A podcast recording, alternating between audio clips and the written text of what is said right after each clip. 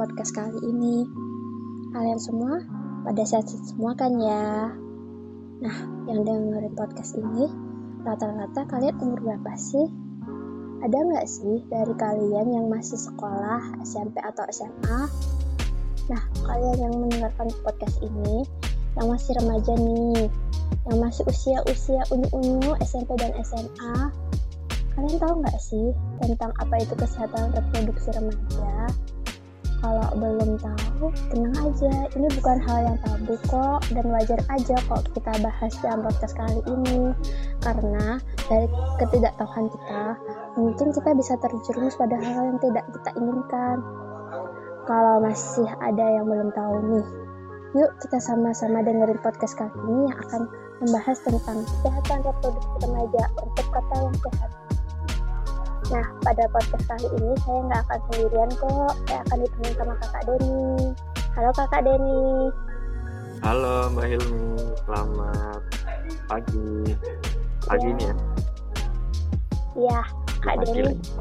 Mungkin kak Denny itu udah nggak asing ya bagi kita karena sebenarnya dia aktivis di banyak sosmednya loh. Banyak sosmednya tuh mengisi tentang konten-konten kreatif gitu.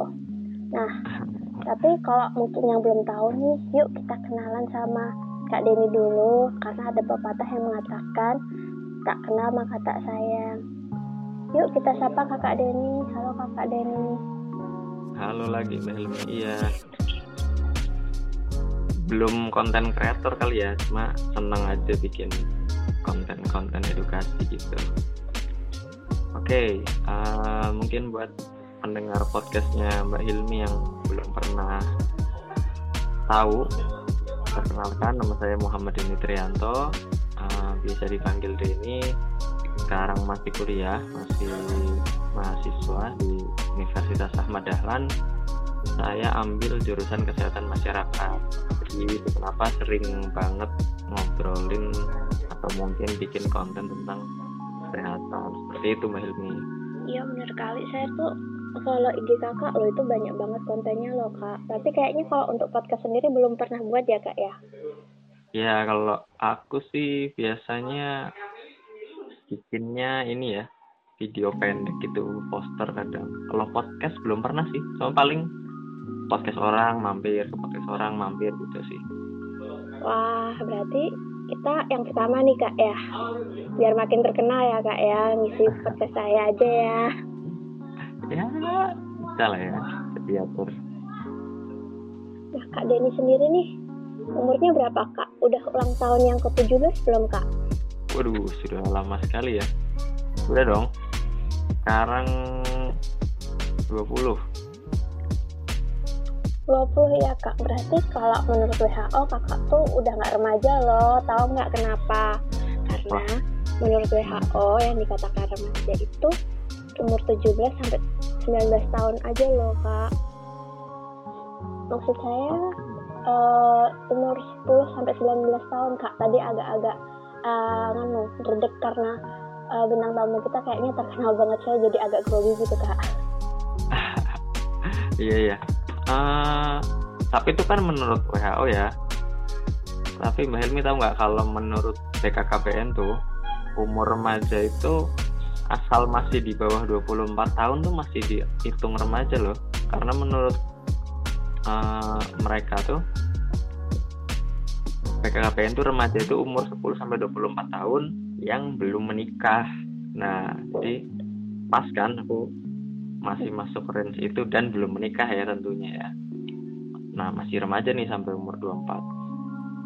Wah, Kak Denny itu bisa aja sih meremajakan meremajakan diri sendiri. Ya, ngikut PKKBN aja lah ya. Iya, anggap aja masih remaja ya. Kak ya, biar bisa ngisi podcast ini ya. Iya, masih masih remaja kok. Ya minimal semangatnya lah ya. Ya, semangat terus remajanya ya Kak ya. Nah, Kak Denny, nih, yang katanya nih ngakunya masih remaja. Kak Denny bisa nggak coba sebutin ciri-ciri seks primer dan sekunder pada laki-laki atau perempuan? Kak Denny ini masih remaja loh ya katanya. Ya, iya sih ya. Oke, tentang seks uh, primer dan juga sekunder ya pada pria dan wanita. Iya. Tahu dong, masa udah sampai sini masa nggak tahu kan lucu ya. nggak bercanda ya, agak tahu-tahu dikit lah ya. Mungkin nanti kita ngobrol juga sama teman-teman yang lain.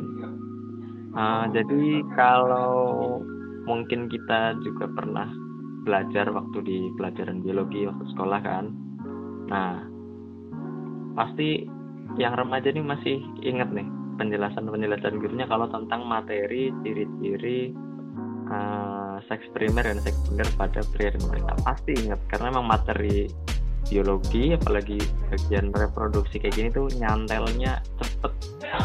Kalau waktu sekolah ya mbak. Nyantelnya lama juga ya kak ya? Iya awet ilmunya. Nampelnya cepet awet nih. Nggak tahu nih dan begitu. Nah kalau untuk uh, ciri-ciri seks primer dan sekunder uh, pada wanita dan pria ya karena saya laki-laki ya uh, saya jelasin bagian saya nih ya biar lebih enak uh, yaitu dari ciri-ciri seks primer dulu nih. Pada pria yang jelas sih namanya cowok pasti pas uh, transisinya yaitu datang dengan ada yang namanya mimpi basah. Jadi ketika kita tidur kemudian bangun tiba-tiba basah gitu. Nah basahnya itu apa? Basah di mana dia mengeluarkan cairan yang kita sebut sebagai ya cairan uh, sperma ya. Jadi ketika bangun uh, tubuhnya bereaksi mengeluarkan itu. Nah itu salah satu ciri seks primer pada pria. Nah kalau untuk sekunder nah ini banyak banget nih kalau sekunder. Jadi tumbuhnya tuh pelan-pelan dan ya dan cukup intens ya cukup terlihat juga. Yang pertama kalau laki-laki ada jakurnya nih mulai tumbuh. Jadi di leher nih kok tiba-tiba ada yang nonjol gitu terus kedua laki-laki tumbuh kumis. Nah udah mulai kelihatan nih mas-mas yang kumis tipis. Nah itu baru bukan baru ya itu udah uh, seks sekundernya sudah keluar ciri-cirinya. Terus juga bulu-bulu rambut halus yang lain di kemaluan di ketiak juga ada. Dan juga suaranya jadi tambah besar gitu atau berat. Nah uh, selain itu ada juga ini Mbak Ilmi. Kayak mungkin agak ini bahasanya ya nggak apa-apa ya. Ya nggak apa-apa terus juga uh, kalau kita sebut kemaluannya laki-laki terus itu jadi lebih membesar kemudian uh, mengalami ereksi juga dan juga bisa mengalami ejakulasi itu tadi yang uh, yang hubungannya sama mimpi basah tadi itu. Nah, itu sih ciri-ciri seks sekundernya kalau buat laki-laki. Kalau perempuan kayaknya Mbak Hilmi aja deh yang jelasin, pasti tahu kan? Ya tahu dong kak, masa nggak tahu kan saya perempuan kak. nah, gimana tuh kalau perempuan Mbak Hilmi? Kalau perempuan nih dari ciri-ciri seks primernya nih, kalian semua kan pasti pernah ya setiap bulan pasti lihat mungkin ada yang teratur atau ada yang enggak. Nah itu tuh merupakan ciri seks primer pada perempuan. Nah, kalau ciri seks sekundernya nih ya kak ya, buat uh, perempuan itu yaitu ada payudara pembesar, pinggul membesar, dan juga tumbuhnya rambut di ketiak dan sekitar kemaluan. Jadi untuk para perempuan di sana jangan takut, jangan malu kalau ada rambut di ketiak dan sekitar kemaluan ya kak ya, karena laki-laki dan perempuan itu ciri seks sekunernya itu sama yaitu tumbuhnya rambut di sekitar ketiak dan kemaluan nah jadi untuk uh, cewek-cewek di luar sana nih kalau misalnya kalian rambutnya udah panjang nih tinggal digunting aja nih pakai gunting biasa biar agak rapi gitu. Iya betul. Sama juga kayak cowok juga uh, bisa dirapikan sesuai ya biar yang nyaman lah ya pokoknya. Bener banget. Dan juga mungkin ini sih Mbak Himi ya karena kan remaja-remaja sekarang uh, khawatirnya berpikir kalau kesehatan reproduksi itu apalagi di kalangan remaja itu sesuatu yang tabu gitu. Dan juga nggak terlalu penting dibahas. Nah, benar banget tuh kak Deni padahal kalau kita nggak tahu nih kita kan remaja bakal jadi agen untuk masa depan. Nah, kalau kita remajanya nggak sehat gimana kotanya mau sehat? Jadi menurut saya tuh remaja sehat itu apalagi yang paham tentang reproduksi itu bisa mewujudkan kota sehat nih Kak Deni. Kak Deni pernah kan dengar tentang HIV AIDS? Itu kan merupakan salah satu dampak negatif dari ketidaktahuan kita tentang reproduksi Kak. Jadi banyak remaja nih yang ngakuin seks bebas terus terkena HIV AIDS dan IMS Kak. Iya, betul banget. Uh, apalagi nih HIV AIDS dan IMS itu kan bisa menyerang semua umur ya, terutama bisa juga pada remaja tadi yang masih ya namanya remaja ya anak muda penasaran terus pengen coba-coba dan nggak tahu apa dampaknya dengan misal seks bebas ataupun eh, hal-hal uh, lain yang bisa membahayakan kesehatan reproduksi remaja itu sendiri. Apalagi HIV dan AIDS ini kan uh, belum ada obatnya ya. Makanya nih bahaya banget sih kalau sampai teman-teman kita yang masih remaja ini uh, kurang tahu tentang bahayanya uh, melakukan hal-hal yang bisa mengganggu kesehatan reproduksi mereka gitu. Benar banget kak, jadi kita harus paham tentang kesehatan reproduksi remaja karena remaja yang sehat itu bisa menjadikan sebuah kota itu sehat. Nah kak Denis sendiri nih, tahu nggak sih tentang HIV AIDS itu sendiri kayak apa sih kak? Kalau boleh boleh sharing gitu. Oh iya kita udah ngobrolin HIV AIDS tapi belum ini ya. Iya. Belum jabarin ya. Iya dong. Iya takutnya masih ada yang uh, kurang ngerti atau mungkin nggak ngerti tapi masih belum sepenuhnya tahu. Nah, kita coba tambahin ya. Nah yang mana HIV ini tentunya kita sama-sama tahu yaitu adalah virus yang menyerang kekebalan tubuh manusia teman-teman nah, jadi yang diserang itu sistem kekebalan tubuh kita. Nah sedangkan AIDS itu adalah penyakitnya. Penyakit yang disebabkan dari sistem kekebalan tubuh yang berkurang. Yang tadi disebabkan oleh serangan si virus HIV tadi. Nah jadilah penderita HIV. Nah HIV AIDS ini juga tidak bisa disembuhkan dengan obat apa pun ya teman-teman. Jadi sampai sekarang itu belum ada obat yang bisa menyembuhkan HIV. AIDS ya karena virus ya jadi memang agak sulit. Dan juga untuk penanganannya sendiri itu lama sekali. Kadang uh, bisa 10 tahun bahkan 20 tahun orang menderita HIV AIDS.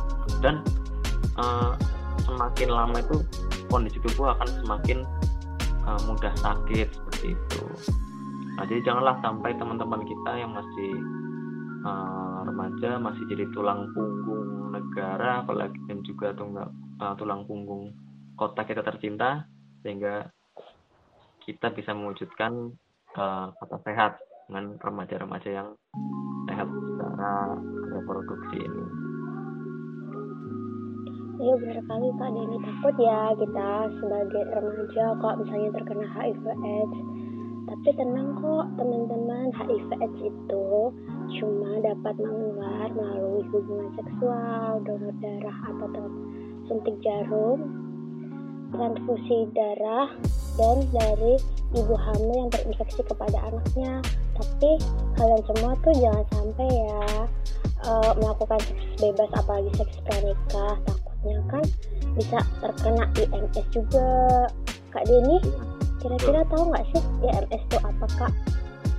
Iya betul uh, uh, namanya yang tadi juga Mbak emang HIV AIDS ini cuma salah satu penyakit yang bisa menyerang remaja ya. Jadi kalau kita khususnya ini uh, kasusnya seks bebas misalkan itu ada banyak sekali ancaman kepada kesehatan kita terutama tadi ancamannya itu IMS yang tadi kan infeksi menular seksual. Jadi adalah penyakit penyakit uh, infeksius atau yang bisa menularkan menularkan dari satu orang ke orang lain ketika melakukan hubungan seksual dengan penderitanya gitu loh. Nah, ciri-cirinya nih yang paling umum sih biasanya di kemaluannya tuh pertama gatal. Jadi gatalnya itu gatal yang bener-bener tanpa sebab gitu sekalipun sudah mandi dan sudah dibersihkan tetap gatal terus ada bintik-bintik juga di kemaluan kemudian rasanya nyeri saat buang air kecil dan kadang ada juga luka koreng di kemaluan jadi yang udah agak parah ya udah ada luka korengnya nah itu mau perempuan mau laki-laki hampir sama ciri-cirinya ya jadi selain HIV AIDS, IMS juga nggak kalah bahaya nih teman-teman untuk mengancam kesehatan reproduksi kita. Iya kak, bener banget ya. Kita kan juga harus menghindari itu ya. Takutnya tuh kan nggak etis ya kak ya kalau kita sebagai remaja nih nggak menjaga kesehatan reproduksi kita sendiri. Apalagi nih kita calon-calon pemimpin masa depan. Nah untuk membangun kota ini, nah maka dari itu pentingnya menjaga kesehatan reproduksi remaja untuk kota yang sehat kak uh, gimana kalau kita sama-sama menjaga kesehatan reproduksi kita demi kota yang sehat bener nggak kak Denny? Iya bener banget uh, kayak jargon kita remaja yang sehat mewujudkan kota yang sehat betul banget sih. Oke okay, bener banget berarti kita sama-sama setuju ya kalau sebuah remaja itu harus menjaga kesehatan reproduksinya untuk kota yang sehat ya kak ya. Iya Mbak Ilmi memang uh, harus dari remaja bahkan kalau bisa dari lebih muda ya tapi kita fokus ke remaja biar uh, usia-usia yang sebentar lagi akan bisa menjadi tulang punggung lah untuk kota sehat kita. Iya benar sekali Kak Denny. Terima kasih ya Kak atas uh, bincang-bincangnya hari ini dikit tapi sangat bermakna kayak untuk remaja-remaja di sekitar kita ya. Iya Mbak Ilmi, uh, sama aku mau tekanin satu lagi nih buat temen-temen yang masih sekolah, masih uh, eh, SMA atau SMP ya. Pokoknya fokus belajar dulu, nggak usah mikir yang aneh-aneh. Nanti pasti ada waktunya, ada masanya sendiri kalau memang sudah siap secara mental, secara ekonomi dan lain-lain. Kalau memang uh, ingin ya melakukan hal tersebut pun harus dengan ikatan yang sah ya. Jadi harus menikah dulu baru boleh untuk melakukan uh, hubungan seksual tentunya ya. Jadi pastikan dengan pasangannya. Nah gitu Mbak Hilmi ya, uh, terima kasih juga nih udah diundang nih di podcastnya Mbak Hilmi nih ya santai-santai tapi padat nih banyak dagingnya nih obrolannya Iya benar kali kak. Iya semoga nanti uh, yang kita bahas juga bisa bermanfaat buat teman-teman yang lainnya. Terus kapan-kapan kalau sempat nanti gantian saya yang undang ya mbak. Oke siap. Mana tahu punya podcast mana tahu kan ke depan gitu. Iya dong kak. Kalau misalnya buat podcast undang-undang saya ya kak ya biar saya jadi oh, narasumber biar kita saling berbagi ilmu lah ya kak okay. ya. Iyalah, uh, barter aja barter okay. biar rame kontennya ya biar rame biar banyak remaja yang teredukasi oleh materi-materi lain ya kak ya ya remaja anak-anak orang tua juga siapa tahu ada yang dengerin kan kita nggak tahu kan pendengarnya ya. siapa aja nih ya harapannya sih semuanya bisa ke sentuh ya ya benar kali kak nah mungkin cukup sekian ya kak Denny dan teman-teman sekalian semoga apa yang Kak Dani sampaikan dan saya sampaikan berguna untuk untuk kalian semua untuk menambah pengetahuan tentang uh, reproduksi remaja untuk mewujudkan kota yang sehat. Terima kasih dari saya. Kalau ada salah mungkin bisa disambung di podcast-podcast yang lain. Terima kasih semua. Assalamualaikum. Terima kasih juga semuanya.